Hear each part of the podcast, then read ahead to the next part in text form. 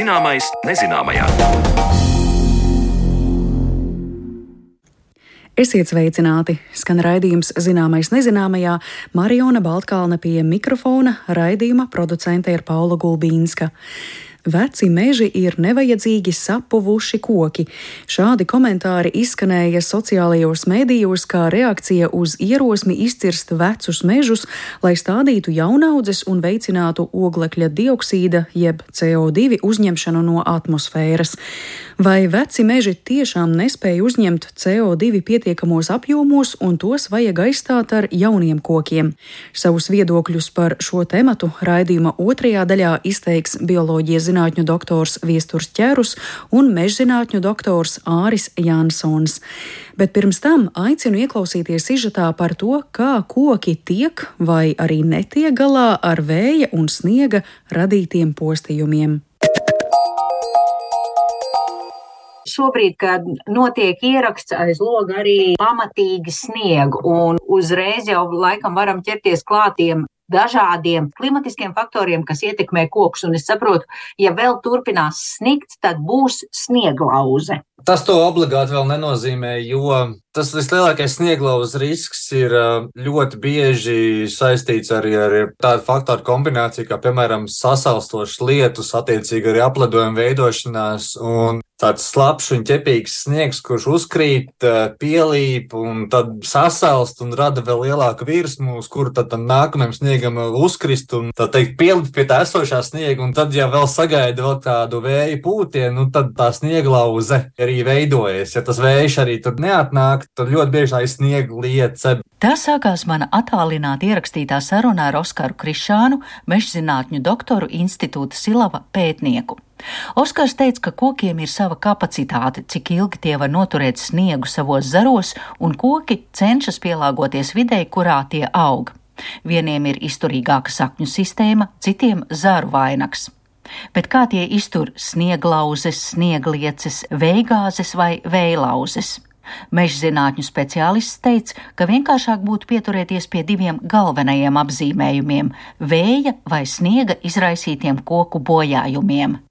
Un kas ir interesanti, ka katrs no šiem bojājuma veidiem patiesībā arī raksturo kaut kādu koka daļu noturību. Vai nu tās ir saknes, kas neiztur, attiecīgi vēja gāze, vai, vai stumbrs, kas neiztur. Nu, sākotnēji šī vēja slodze ir attiecināma uz saknēm, Tātad pirmās, ja neiztur saknes, tad veidojās stumbra lūzums. Bet ļoti bieži, teiksim, ja, ja kaut kāds lielāks veidu postījums, kaut kāds nogabals sabojāts, ļoti bieži kombinēti šie bojājumi veidi. Ja mēs skatāmies uz sākotnēji uz atsevišķiem kokiem, es saprotu, ka mēs varam runāt par vārgākām un nenoturīgākām koku sugām kuras ir vairāk pakļauts vai sniega vai vēja darbībai un eh, stiprāki koki koks evolucionāri pielāgojās vidē, kur viņš aug. Vai nu viņš ir atklātā vidē, tas ir piemēram atklātā laukā, teiksim, koki ar zemiem vainagiem, ja mēs tā varam teikt, pieslatnieku ozolu. Nu, tā klasiski. Un tad ir koki ir mežā, nu, viņiem slēdāk stumbri ir, un te meža kokiem ļoti svarīgi ir kaimiņš. Nu, viņi viens otru tur, viens otru pastiprina sakņu sistēmas, un tad vainag viens otru notur, un tad viņi tur var šūpoties, un, un viss notiek, un viņi var noturēties. Un tāpat tās arī, ja koks ir ļoti ilgstoši bijis jau agrīnu vecumu atklātā vidē, viņš arī savu vainagu veido zemāku, tad zemāks smaguma centrs ir bijuši lielāka vēja ietekme, līdz ar to viņam ir attīstījusies spēcīgāka koksne ir tāds termins - trignomorfoģenēze. Tas nozīmē to, ka koks tādu mehānisku slodzi ietekmē, viņš stiprina kaut kādas daļas, vai nu tie ir zaru savienojumi, vai tie ir atsevišķi kaut kādas koksnes daļas vai saknes. Tā kā attiecīgi no vidas viņš spēj, tā teikt, kaut kādā brīdī pielāgoties un arī trenēt savu izturību. Un tad, kad koks aug kaut kādā vidē, kur viņš ir ilgstoši pielāgojies un nav strauji šīs vidas izmaiņas, tajā brīdī visas sugas ir daudz maz noturīgas. Protams, ir kaut kādas sugas, kurām ir spēcīgāka koksne, Līdz ar to arī spēcīgākas saknes, un šīs saknes, tā teikt, nelūst. Ja ir pietiekami noturīga augsne, nu, tāda stingrāka augsne, piemēram, morēna vai mākslas mūžmāla augsnes ar kaut kādiem lielākiem oļu ieslēgumiem, kas tādas, nu, labāk cementētas ir, un viņas šīs saknes notur atšķirībā no kaut kādām slapjām augstnēm, pārmetrām augstnēm, kur šī sakņu augsnes sasaiste ir daudz, daudz zemāka, un šāda augsnē arī tādi teiksim, noturīgi koki kā ozola, arī, arī tur tie izgāzīsies. Tā, tā ir tāda augsnes un augšanas vidus kombinācija. Bet, ja mēs tādā sugu kategorijā varam tā vispārināt, protams, tās sugas, kurām ir zemāka koksnes noturība, kā piemēram kaut kāda apse, tām, piemēram, varbūt zari lūzīs kaut kur vairāk. Bet no otras puses, tai pašai apsei ir ļoti labi izstrādāti slodzes amortizēšanas mehānismi. Zinat to, ka apsejas lapas dreb. Šis te fenomens strādā tādā veidā, ka lapas uztver vēju slodzi un absorbē. Teiksim tā, jo vairāk tas vainags augšā visur šūpojas kratās, jo mazāk slodze atnāk līdz stumbram. Un jo koks ir tādu homogēnāku vainagu, jo viņš ir vairāk, teiksim, tāds stumbenis, tāds miets. Tā kā lieli zari, teiksim, piemēram, bērnam arī nokarina zari. Viņi tur šūpojas vējā, viss ir kārtībā, un viņi to vēju slodzi radīto, viņi, viņi sevi uztver Un uh, līdz saknēm tik daudz nekā nenonāk. Ok, varbūt tur kaut kāds zars nolūzīs, jo tās kustības iekšā tur ir ļoti haotisks, veidojās. Bet koks kā tāds ar saknēm neizgāzīsies un pie stumbra lejā arī, arī nenolūzīs. Tā kā pie mums Latvijā un arī citvietā Eiropā ļoti izteikta ir egles jūtība pret vēgāzēm, ka viņām tās saknes ir seklākas, un līdz ar to viņām jāveido plašāk šīs sakņu projekcijas, lai būtu lielāka tas, tāda atbalsta pēda, bet nevienmēr viņi to var izdarīt. Un šīs sakņojuma īpatnības eglē ir tas, kas eh, nosaka to, kāpēc, piemēram, tāds egļu audzes ļoti bieži vējā arī tiek bojāts, attiecīgi izgāzts biežāk nekā, piemēram, priedes. Mēs ļoti bieži esam redzējuši, ka priedes lūst eh, tā, šis te, taisim, tā prieža īpatnība ir tāda, ka viņi spēj attīstīt dziļas sakņu sistēmas un, attiecīgi, viņi spēj augt daudz sausākās augsnēs. Un šīs dziļās sakņu sistēmas tās, kas nodrošina lielāku sakņu augstu noturību. Gan kombinācijā arī ar to faktoru, ka viņas aug sausās augsnēs, ka tā labāk saturās kopā kā mitras augsnes. Un tāpēc tāds liels veislots ietekmē saknes noturēsies, bet koksne nav nu, tāda ļoti izturīga un tāpēc viņi lūzīs stumbrā. Bet ļoti bieži ir arī priedēm bojājumi tādi, ka viņas izgāžās ar saknēm. Tas arī ļoti izplatīts. Bet nu, mēs esam pieraduši uzskatīt, ka priede tā ir mietsakne, tā tad viņa tur dziļi ēnkurojas nūzīs stumbrā, un, un egli tā ir bārsakne. Ja mēs tā, nu, tādas dārzniecības terminoloģijas varam to tā raksturot, tad viņi gāzīs saknēm, bet tā nevienmēr nav. Eglis lūz stumbrā, jo arī viņas spēja atsevišķās situācijās pie noteiktiem augstiem apstākļiem attīstīt ļoti spēcīgus sakņojumus. Vai tad ir tā, ka es esmu jau no sendienām dzirdējis tādu teicienu, tas koks, kurš lokās, tas nelūks. To pašu ozolu arī varam locīt, un viņš nelūzīs. Bet savu taisnību teicienā ir. Savukārt, ja koks lokās daudz un dikti, tas arī varbūt nav dikti labi. Jo mēs klasiski par vēju bojājumu uzskatām to, ka koks ir horizontāli pēkšņi. Nu, kā, vai kāda viņa daļa, ka viņš ir fiziski nolūzis, izgāzts. Bet ļoti liela posta nodara arī teiksim, tie bojājumi iekšā, kurus mēs neredzam, kuri veidojās tad, kad koks ir saliekts bijis. Un tas ir tā sauktā primārā lūšana, kas notiek visu pirms, pirms nāk šī te, tāsim, tas fatālais bojājums, kad koks ir gar zemi, tad šī primārā lūšanas ietekmē tiek bojāta koka ūdens pārvades sistēma.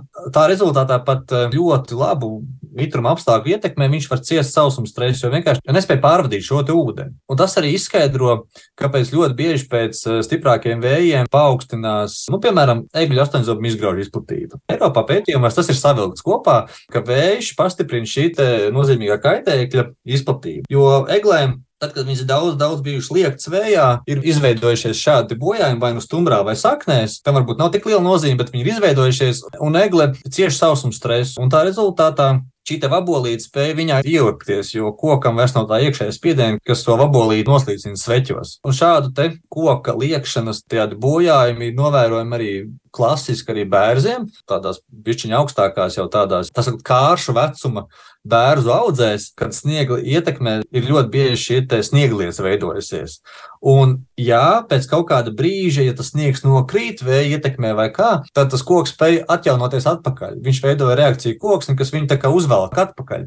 Bet, ja šāda liekšana ir bijusi ilgstošāka un, un pārsniegusi kaut kādu kritisko punktu, kas ir nu, vai tāpat primārā lūšana, tad koks tā arī paliks saliekts. Un tādas ļoti bieži mēs varam redzēt uh, bērnus, kas ir bijuši iztīdzējuši, vai nu tā audze ir pārāk intensīvi izkopta, vai kā, un tad viņi, protams, ir saliekušies. Atgriežoties pie tā teikt koku sadarbības, lai izdzīvotu, augstāki koki ir vairāk pakļauti vējam, un tādiem ir nepieciešami tie citi koki, kā sargājoši kaimiņi līdzās.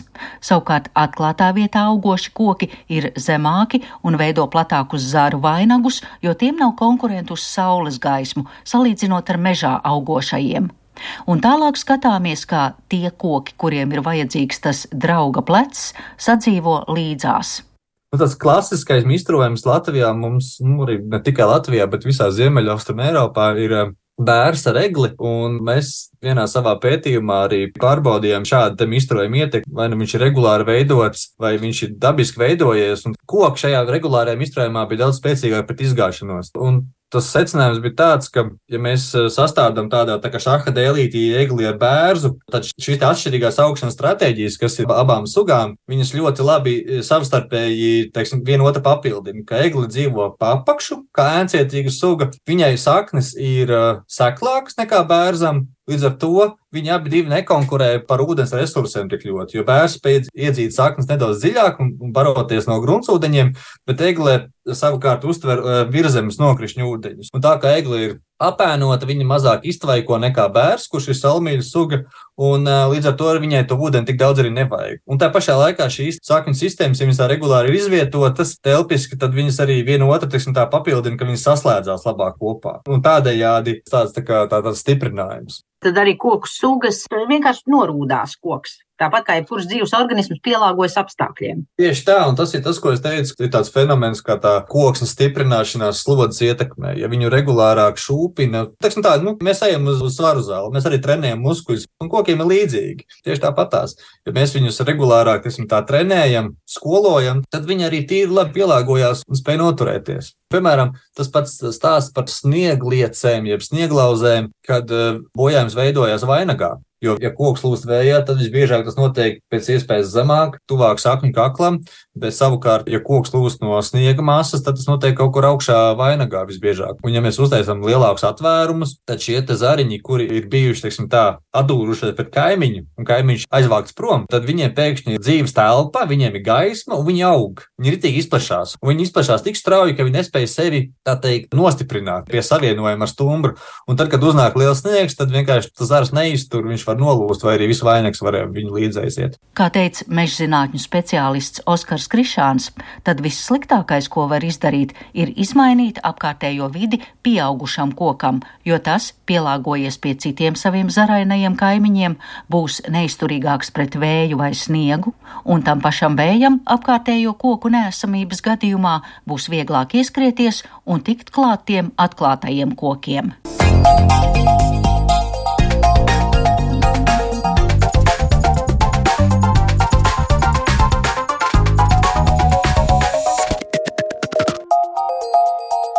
Zināmais nezināmajā.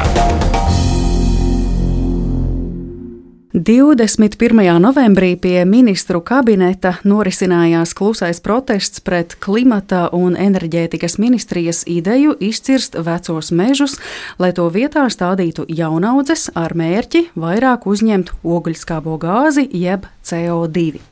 Par šo veidojās asas diskusijas sociālo mēdīju vidē. Vēlāk gan ministrs Kaspars Melnis minējis, ka, citēju, neviens neplāno vienkārši izcirst vecus mežus tāpat vien Citāta beigas. Tomēr, reaģējot uz gadiem ilgām diskusijām par emisijām un veciem mežiem, šodien dosim vārdu zinātnei un pētniecībai sniegt savu vērtējumu. Vai vecu mežu likvidēšana un aizstāšana ar jaunaudzēm varētu veicināt emisiju uzņemšanu, un kādas blakus parādības būtu šādām rūktām zālēm cīņā pret CO2? Un uz šiem jautājumiem šodien atbildes radīsim kopā ar diviem viesiem studijā, kuriem saku labdien, un tas ir Latvijas ornitoloģijas biedrības valdes priekšsēdētājs, bioloģijas zinātņu doktors Viesturs Ķērus. Sveicināti, Viestur! Labdien! Un viņam pievienojas Latvijas valsts mežzinātnes institūta Silava vadošais pētnieks, mežzinātņu doktors Āris Jansons. Labdien! Labdien. Jā, nu sāksim ar jēdzienu noskaidrošanu, ar jēdzieniem, kas parādās arī dažādos politikas dokumentos, un viens no tiem ir Nacionālā enerģētikas un klimata plāns 2021. un 2030. gadam. Un šajā projektā ir minēts, ka mazproduktīvu augu nomaiņa veicina ogļskābās gāzes jeb CO2 palielināšanos. Un acīm redzot, šeit ir arī radušās domas, ka tas ir saistīts ar veciem mežiem, ka šie vecie meži ir tās mazproduktīvās audzes. Kas tas varētu būt un vai tie ir šie vecie meži? Šī brīža izpratnē, nē, tie nekādā veidā nav sinonīmi, tie pat ir ļoti vāji saistīti jēdzieni. Ja mēs runājam par mazproduktīvajām audzēm, tad gan no tāda praktiskā viedokļa, no likumdošanas viedokļa, jāsaprot, ka galvenokārt tās ir teritorijas, kurās ir notikuši ļoti nozīmīgi dažāda veida bojājumi atkarībā no koku sugas un, un, un, un vecuma. Tur varētu būt dažādas tās situācijas, bet kur jau ir ļoti daudz atmirušo koku, vai arī tātad saimniecisko mežu teritorijas, kurās nav saskatāma tāda saimnieciska perspektīva, ka šai, šajā audzē mēs varētu sagaidīt kaut kādu labu rezultātu nākotnē. Tā izskaitā no tā paša oglekļa uzkrājuma viedokļa. Tie nekādā ziņā nav sinonīmi ar vārdu veci meži. Tad tas uzsvars būtu uz to, ka mēs šīs mazproduktīvās audzes nespējam izmantot kaut kā komerciāli. Nē, tas uzsvars ir uz to, ka nav sagaidāms, ka teiksim, nākošajos 20, 30 gados šajās teritorijās būs veselīgs, labs mežs, nu, ja mēs neko nedarīsim. Tā vienkāršot varētu teikt. Mm. Vai jums ir ideja, kāpēc tad ir radies šāds pārpratums apzināti vai netīšām, ka ar mazproduktīvām audzēm mēs automātiski saprotam vecus mežus un liekam to sinonīmu, ko jūs arī sakāt, nebūtu pareizi darīt? Šo satraukumu radīja pats ministrs, eh, izsakoties, ka vecu mežu izciršana ir nu, tas, tas plāns, eh, kas eh, ministrijai padomā. Un pēc tam viņš, kā, acīm redzot, saprotot, ko ir pateicis, kāpās atpakaļ, jo, jo vecu mežu izciršana tā tiešā tekstā tiešām šajā plānā nav vārdā nosaukt. Tas drīzāk tur iet cauri un, un patiesībā ko arī ministrija šobrīd raksta, nav jau vispār skaidrs, kas tajā plānā galu galā būs, vēl tur domās un plānos. Eh, kas attiecas uz eh, mazproduktīviem mežiem, tad šajā ziņā es ārim piekrītu. Tas eh, nav sinonīms. Klimata ministrija norāda uz ministru kabineta noteikumiem, kur ir runa nevis par mazproduktīviem, bet par neproduktīviem mežiem. Gan nenosakot kritērijas produktivitātei lielākajā daļā gadījumā, izņemot vienkāršot sakot, eh, egļu monokultūras. Nedaudz vecu mežu es pieļauju, var dzīvot arī zem šiem te eh, mazproduktīvajiem, neproduktīvajiem, eh, bet lielākoties tie nebūs veci meži. Tas, kāpēc joprojām plāns rada bažas, ne, ir viens ir, ka nav saprotams, ko šis plāns vispār paredz. Otrs ir, ka runājot par problēmām, tiek teikts, ka mums piesaiste mežos samazinās, tāpēc, ka mums meži noveco, kas nav patiesība. Piesaiste mums samazinās, tāpēc, ka pieaug ciršanas apjomi, kas savukārt plānā nav minēts. Uh, līdz ar to jau runājot par problēmām, tiek vain, vainoti veci meži un, un tā veco mežu uh, izciršana vai nākotnes vecu mežu nerašanās drīzāk slēpjas zem tā, kas ir mērķiecīga meža apsaimniekošana vai, vai kā nu to kā nu to nosauc. Bet tas, kas ir eh, jāpatur prātā, ka šobrīd vecos mežus eh, Latvijas likumdošana, ja vien tie nav eh, mikroliegumos vai citādi aizsargāti, ļauj izcirst, un šie vecie meži jau tiek izcirsti neatkarīgi no šī plāna. Jautājums vienkārši ir par argumentiem, kā mēs attaisnojam to. Mm -hmm. Pie reizes būtu arī jautājums, kā tad vispār šādi plāni, šādi projekti tiek sastādīti, ja ir tik skaidri redzamas kļūdas terminoloģijā, vai vispār notiek kaut kāda konsultēšanās, jo te jūs uzreiz sakāt, nu nē, tur jau ir kļūda saknē? Jūs sākāt ar to, ka mēs varētu ieviest skaidrību terminoloģijā šodien. Es domāju, ka mēs drīzāk ieviesīsim neskaidrību, tāpēc ka uh, visas uh, definīcijas ir ļoti dažādas. Uh, nu, teiksim, jau sākot ar to, kas vispār ir mežs, ir kādas vairāki simti definīciju, kas ir mežs, un tad mēs runājam, kas ir vecs mežs. Tad uz tās neskaidrības par to, kas ir mežs, mēs vēl uzliekam virsū to, kas ir vecs.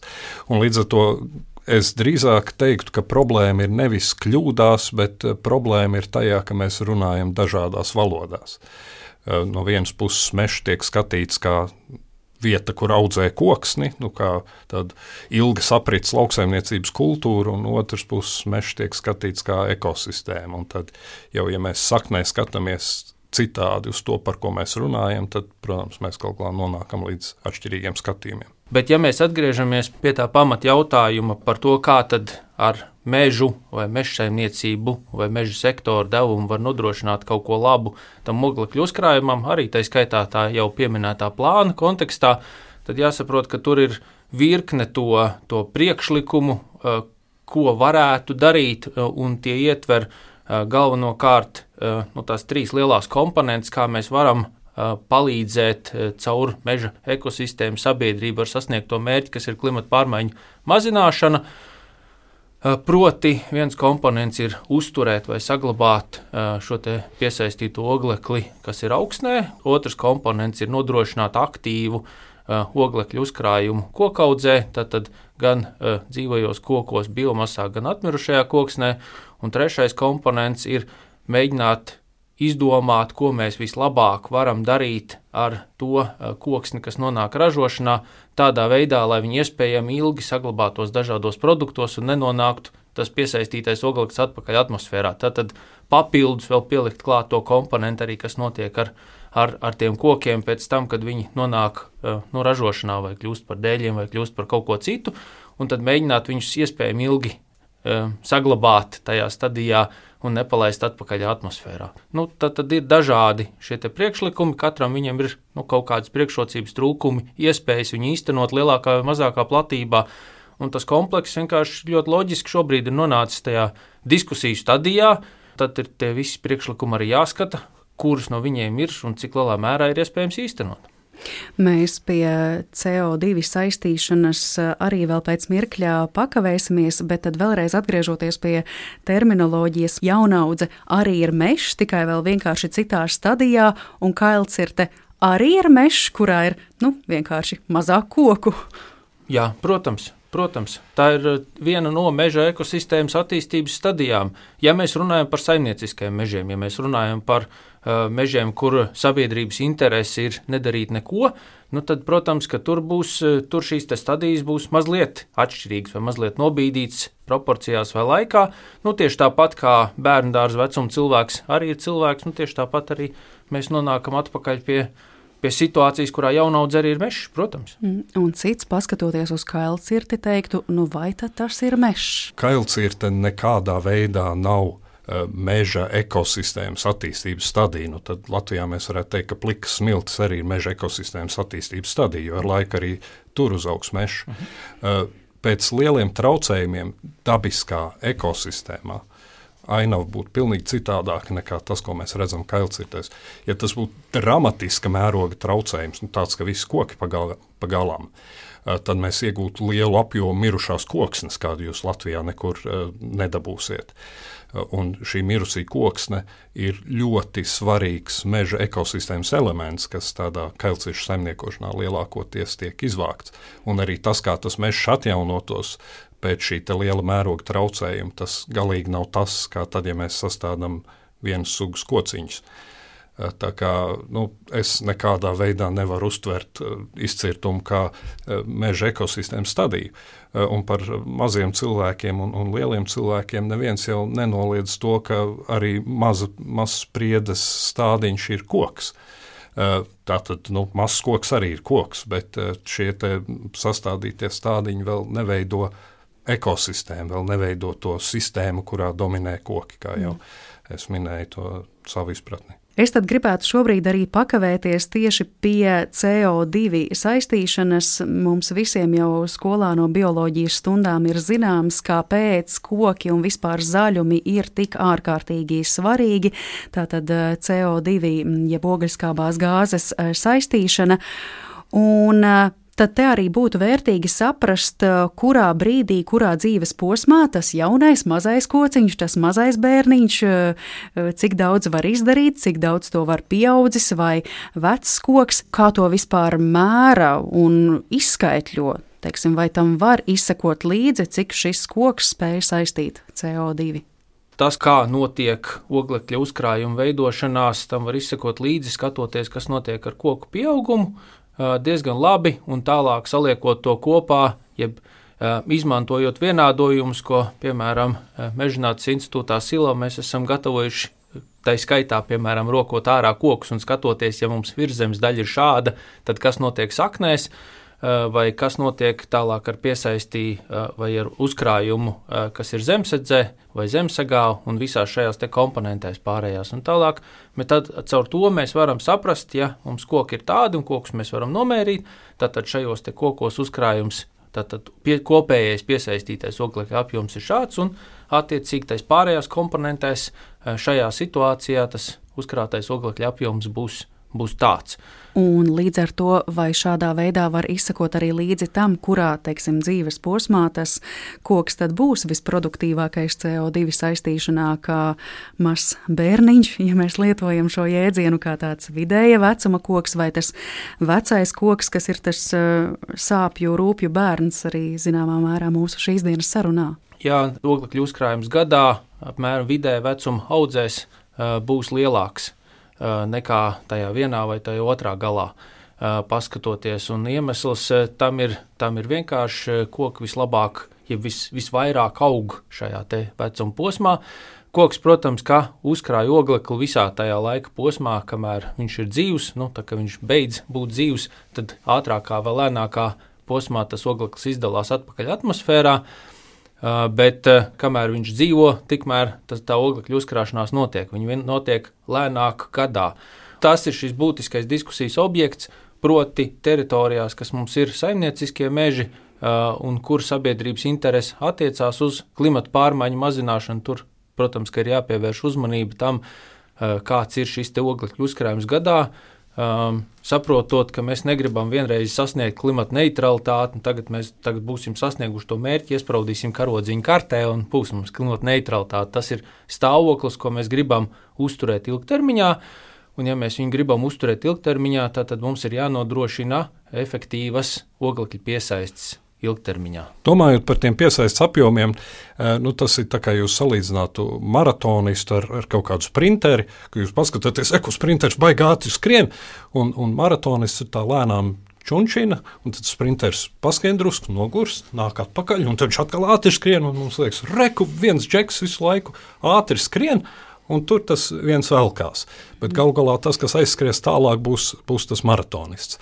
Eh, un līdzīgi ar, eh, līdzīgi ir ar mežiem. Uh, jo ir jāpatur prātā, ka tas vecais mežs, protams, viņš, tad, kad viņš ir vecāks, viņš joprojām uzkrāja, bet uzkrāja mazliet lēnāk. Bet līdz ar to tas, ko viņš ir uzkrājis, daudzums ir milzīgs. Tas ātrais aprits apjoms var, eh, var dot ātras piesaistes īstermiņā, bet tas ir, nu, tu, kā jau teicu, tas ātrais skrējies. Tu aizskrien, nāc atpakaļ, aizskrien, nāc atpakaļ. Tu visu laiku baigi ātri skrien, bet tā arī tu nekur neaizskrien. Atkal jāatzīst, ka šoreiz es nepiekrītu viesturu salīdzinājumam. Ja jau būtu aizskriet, nāc, at, nāc atpakaļ, un no tā galu galā nerodās nekāda jēga, tad es, tad es piekrīstu, bet uh, rodās tā jēga. Un tā jēga rodās precīzi tajā aspektā, ko viesturs arī jau pieminēja Proti, ja mēs gribam mazināt tos fosilos resursus, tad mums viņus ar kaut ko ir jāizstāj. Tajā brīdī, kad mēs saprotam, ka to galdu, pie kura sēdēt, vai to krēslu, uz kura sēdēt, vai tās sijas tai mājai, lai tas jumts eh, turās virsū, nu no kaut kā mums viņi jātaisa, tad ir skaidrs, ka tas, eh, tas sprinteris, kurš aizskrien kaut kādu gabalu, tad mēs viņu tālāk to devumu izmantojam un saglabājam to oglekli, neradām papildus emisijas tajā saimnieciskajā darbībā, kur mums tā, kā, tā ir jāveic, jo kā sabiedrība mēs droši vien neesam gatavi gluži zem, zem eglis dzīvot. Un uh, tad liekam tai trasē nākošo sprinteru. Tas pēc būtības ir nevis uh, viens maratonists un viens sprinteris, kurš skrien turp atpakaļ, kā, bet tas ir viens maratonists un uh, sprinteri, kuri stafetē. Un uh, beig beigās, kurš nonāk galā ātrāk, to var diezgan labi saprast. Otrs izaicinājums uh, attiecībā uz vecajiem mežiem uh, mums ir tas, ka nu, tie maratonisti, ja tā e, ļoti tā skarbi drīkst izteikties, tie maratonisti tā maratona gaitā mirst nost pa laikam. Nu, viņi nenoskrien visus tos savus 42 km. Tā ir tā lieta, ko mēs gribam pa brīžam ignorēt, e, ka vecs mežs arī var sastāvēt no jauniem kokiem. Proti, notiek tā paudžu nomaiņa, un tas koka dzīves cikls tā kā tā nav bezgalīgs un tikai neliela daļa no tiem kokiem, kas šobrīd varbūt ir, ne, nezinu, piemēram, 180 gadus vecs seglis, nākošos 50 gadus pavisam, pavisam mazs procentiņš sasniegs šāda, šādu egļu dominanta teritorija. Tur būs, jā, tur būs mežs, tur būs egļu jaunauds, bet viņi būs nomainījusies pati arī tad, ja mēs tur neiejauksimies. Tas, ko mēs nebūsim izdarījuši šajā laika posmā, mēs nebūsim to gala rezultātu ielikuši, piemēram, sijā vai, vai, vai dēlī vai kaut kādā citā konstrukcijā, nezinu, guļbūvē, ar to aizstājot fosilā materiālu izmantošanu. To mēs nebūsim izdarījuši. Un, Atgriežoties atkal pie tās veco mežu izciršanas stāsta, nu nav mums vecu mežu izciršanas stāsts. Grūti man tiešām ir komentēt, no kurienes tas stāsts ir radies. Mums ir jautājums par to, ka sabiedrībai meža ekosistēmas apsaimniekošanā ir daudzveidīgas intereses, kuras ir īstenojamas atsevišķās teritorijās, neveicot darbību.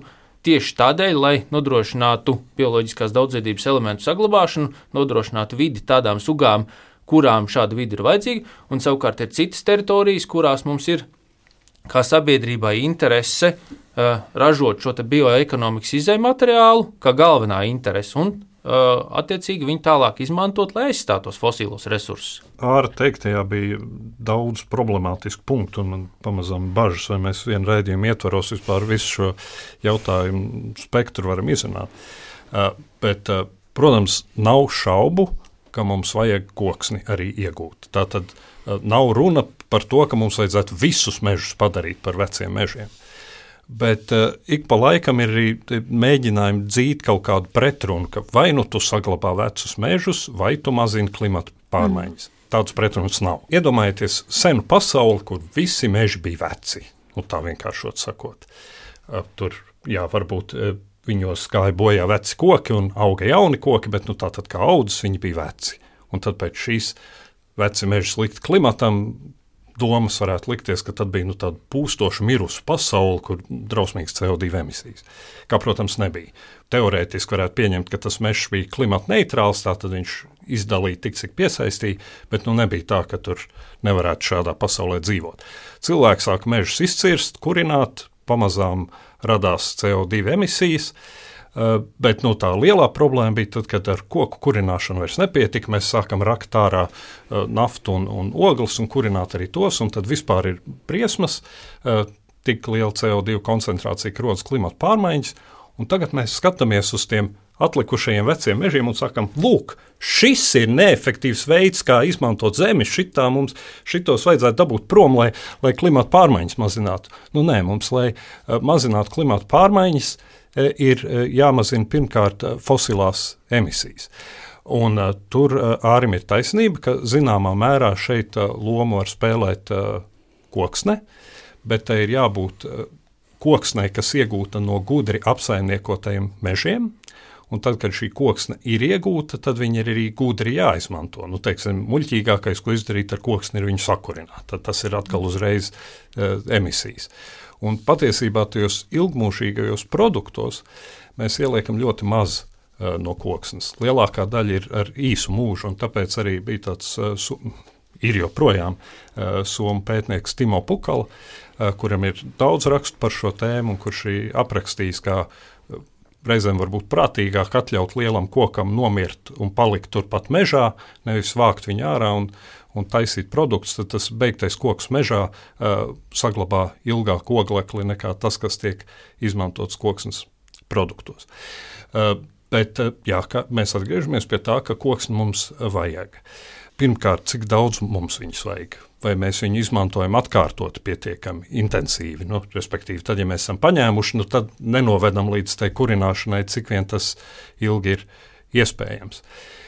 Kā mēs viņu iegūstam tajos mežos, vai tām ir jābūt kailcirtēm, vai tā var būt kaut kāda gudrāka saimniekošana. Un arī ir pētījumi, uh, kas rāda, ka, lai nodrošinātu mežu multifunkcionalitāti, nevis tā, ka mēs tur visi meži ir veci, vai nevis tā, ka 90% mums ir uh, kailciešu saimniecība, bet lai nodrošinātu mežu multifunkcionalitāti.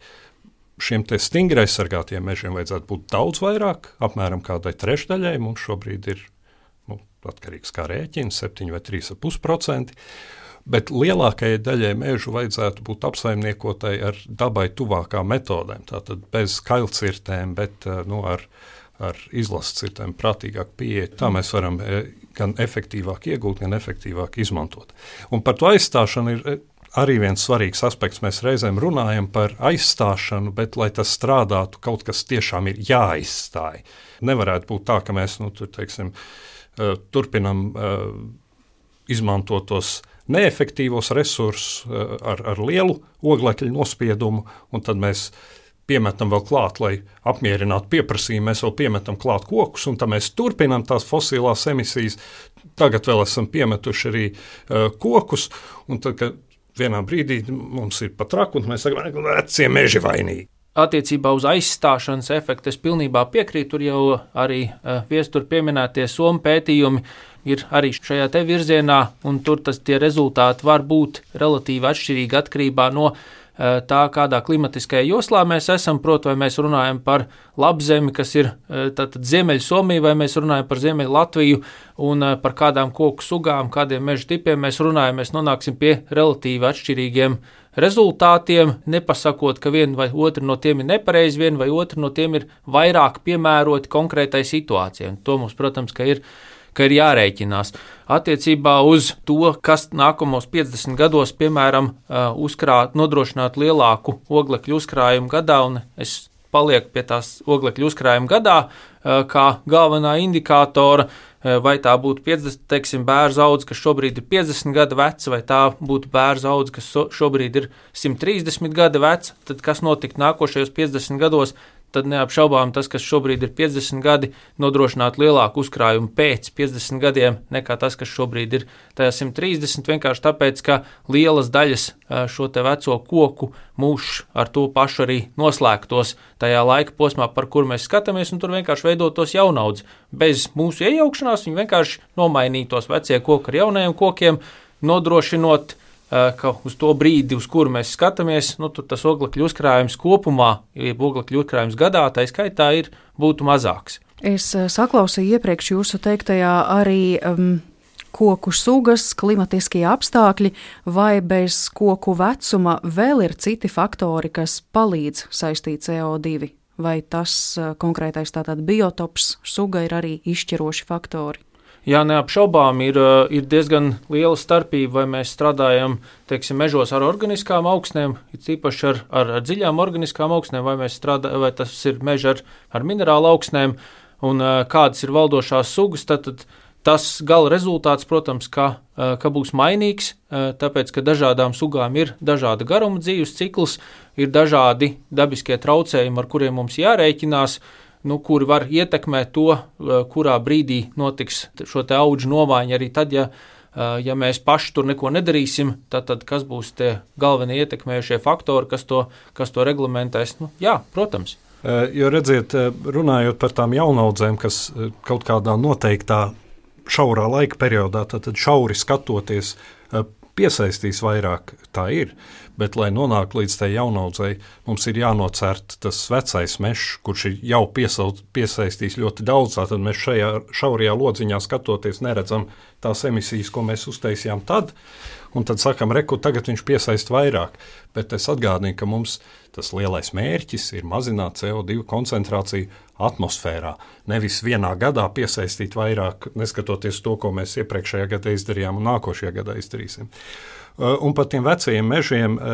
Par, par to nav šaubu, jā, ka koks nodzīvo un nomirst, bet nu, nevajag iedomāties, ka vecs mežs ir. Nu, mēs domājam, tādās kailcīšu kastītēs. Teiktu, mēs domājam, ka mēs nocērtam, iestādām, tad visi koki vienādā vecumā izaug un tad pienāk tur.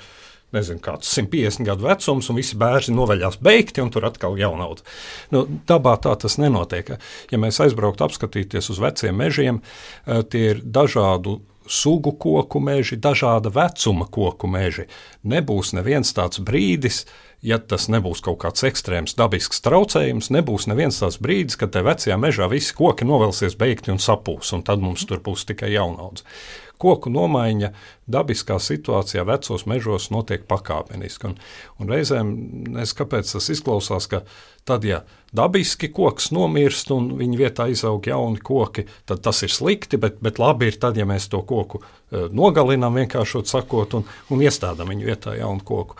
Uh, tas, kas uh, bieži ir aizmirsts, jā, ka tas vecais koks, ir uzkrājis daudz, bet tad, kad viņš nomirst, viņš nepalaiž to visu gaisā, kā jūs minējāt par Timo Pukalu secinājumiem. Ja mēs viņu sakurinām, tad gan viņš aiziet gaisā.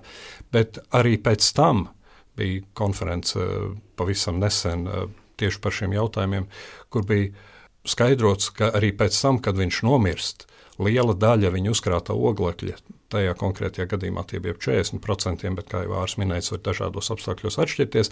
Liela daļa uzkrātā oglekļa aiziet augsnē un turpina uzglabāties augsnē, nevis aiziet atmosfērā.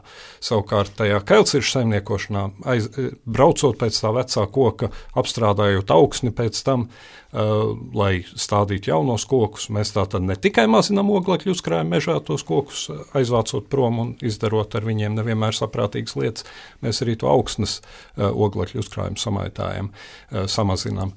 Un tur atkal ir pētījumi par to, cik ilgā laikā, un tas atkal ir ļoti atkarīgs no dažādiem apstākļiem, cik ilgā laikā tā augsne spēja atgūties no tā, ko mēs esam viņai nodarījuši. Tā tad nevajag visu laiku uzbūrt klausītājiem galvā to ainu, ka ir kaut kāds.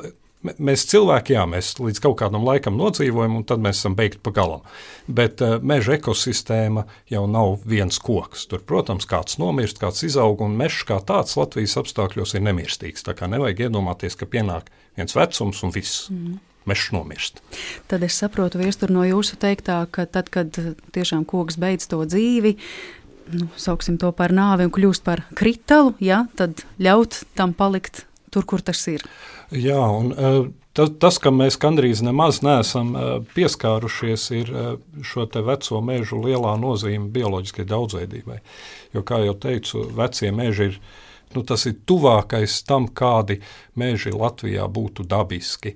Līdz ar to tur ir augu un dzīvnieku sugas, kam šie meži ir, ir īpaši svarīgi, un tā skaitā mirušie koki, dažādi izmēri mirušie koki. Ja mēs skatītos no ekosistēmu viedokļa, tad vecie meži būtu tuvākie etalonam, kādam mežam vajadzētu būt un viss pārējais ir dažādā pakāpē degradēts mežs līdz galējai stadijai, ka tā ir kailcirta, nu, kas ir ekosistēmas iznīcināšana, nevis vienkārši degradācija. Un tur tad es saprotu, šāda jaunaudze, 40, 50 gadu veca, nespēja sacensties ar vecu mežu bioloģiskās daudzveidības ziņā. Uh, nē, noteikti nē. Ja, nu, es ornitologs būdams, varbūt vairāk var runāt par putniem, bet putniem tā vienkāršot sakot, jo vecāks mežs, jo labāks. Arī jums arī Jā, bija ne, nu, meža ekosistēmas degradācija tad, kad izrok grāns karjeru. Nu, tad meža ekosistēma ir beigusies tajā vietā konkrētajā. Uh, nebūs viss cauri. Uh, tik tālu es, uh, protams, piekrītu, nepiekrītot tām nu, atsevišķām tām pārējām tēzēm. Un, ja mēs runājam par bioloģisko daudzveidību, es jau pieminēju, ka, protams, jā, vecu mežu teritoriju nodrošināšana ir ļoti būtiska bioloģiskās daudzveidības uzturēšanai. Tur mums ar viesturu nekādi viedoklis neatšķirās, viņš arī nevar atšķirties.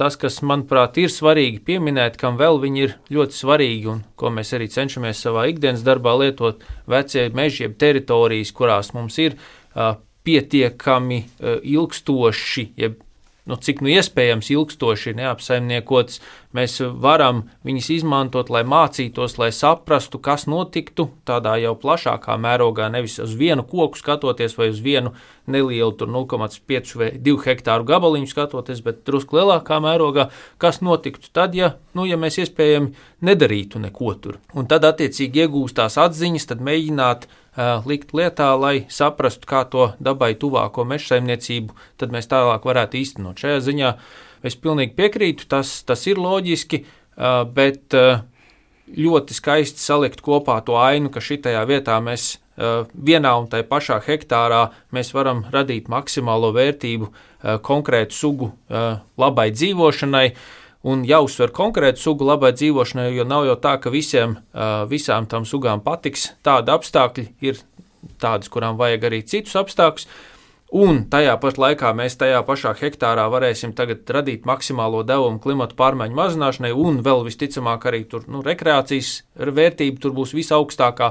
Nu, arī tā būtu zinām, ilūzijas, ilūzijas būvēšana, ar ko uh, nevajadzētu nodarboties. Jāsaprot, ka ir atsevišķs komponents, kurus mēs varam salikt kopā, piekrītot tēzei, ka ir kaut kādas lielākas teritorijas, kurās saimniekošana varētu būt ekstensīvāka, un tāpat būs teritorijas, kurās iespējams būtu jāsaimnieko intensīvāk. lai nodrošinātu attiecīgi šo bioekonomikas komponentu. Un atgriežoties pie tiem, pie tiem jautājumiem par, par meža strādes un tālāk augsnes sagatavošanas ietekmi, protams, ka tie rezultāti ir relatīvi atšķirīgi atkarībā no tā, kāda tad ir, kādā klimata joslā mēs atrodamies. Piemēram, Zviedri ir, ir pa visu, kā Zviedriem ir tā priekšrocība, ka viņi ir no, no, teiksim, no gandrīz polārā loka līdz, līdz situācijai, kas pat ir siltāka nekā Latvijā, skatījušies šos jautājumus. Apmēram 10, 15 gados, vietām 20 gados, tas papildus oglekļu uzkrājums, kas aiziet gaisā, tāpēc ka augsne tiek mineralizēta, tad sagatavot vietu šiem jaunajiem kociņiem, tas tiek atkal piesaistīts atpakaļ.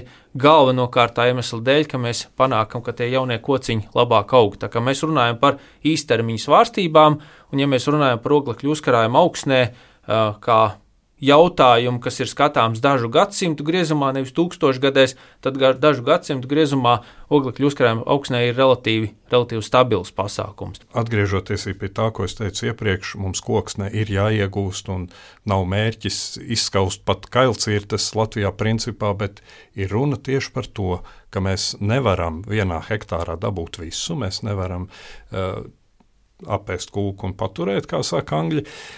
Bet mums ir jādomā, kā mēs pēc iespējas vairāk varam dabūt. Un te ir runa par tiem pētījumiem par multifunkcionalitāti, kādus uh, labo ārja kļūdos es nejūtos redzējis Latvijā, kur tad mēs ieliekam, mēs gribam iegūt koksni, mēs gribam piesaistīt oglekli, mēs gribam lasīt ogas, mēs gribam nodrošināt dzīvotnes tādiem un tādiem dzīvniekiem, un tad saliec to visu un ir Somijam un citiem virkne ļoti jauku pētījumu par šo saliec to visu. Kā tu pēc iespējas vairāk vari dabūt no visa, tātad multifunkcionalitāti maksimizēt. Un tad mēs redzam, ka lielākoties tur varam rēķināt, droši vien Latvijā būtu drusku cits procentu sadalījums, bet tā tad stingri aizsargāt, kur mēs nedaram neko daudz vairāk, kā jau teicu, pētījumā, kas bija pavisam svaigs no novembra, tur bija trešdaļa, bet lielākai daļai vajadzētu būt ar dabai tuvām metodēm, tātad bez kailcirtēm, un tai kailciršu daļai, kas, kā jau teicu, nav obligāti izskaust pavisam, bet tā būtu mazāk nekā tā rezervāta daļa. Pieeja, kur arī mēs redzam ļoti lielu perspektīvu un pie kā arī tiek strādāts, ir saprast, kā dažādi koki vienas sugas ietvaros, nevis starp sugām, bet arī vienas sugas ietvaros ļoti dažādi uh, izjūt šos klimata ekstrēmus, kur mums paliek biežāk, jo tāpat jau pieminētā egle vai, vai piemēram, priede, kuras izplatības areāls ir no polārā loka līdz Spānijas ziemeļiem. Jūs saprotat, ka vienas sugas ietvaros tie koki ir ļoti dažādi. Un, ja mēs varam atrast tādus, kas mazāk ir mazāk jutīgi Eh, pret dažādiem klimata ekstrēmiem, mēs varam, par to mēs esam strādājuši pietiekami ilgi, un tālāk veicināt šo koku plašāku izmantošanu meža atjaunošanā, tad caur to mēs panākam labumu kā caur adaptācijai, un, protams, arī klimata pārmaiņu mazināšanai kā vienam, vienam no mērķiem, kas rodās caur koku labāku vitalitāti un labāku augšanu.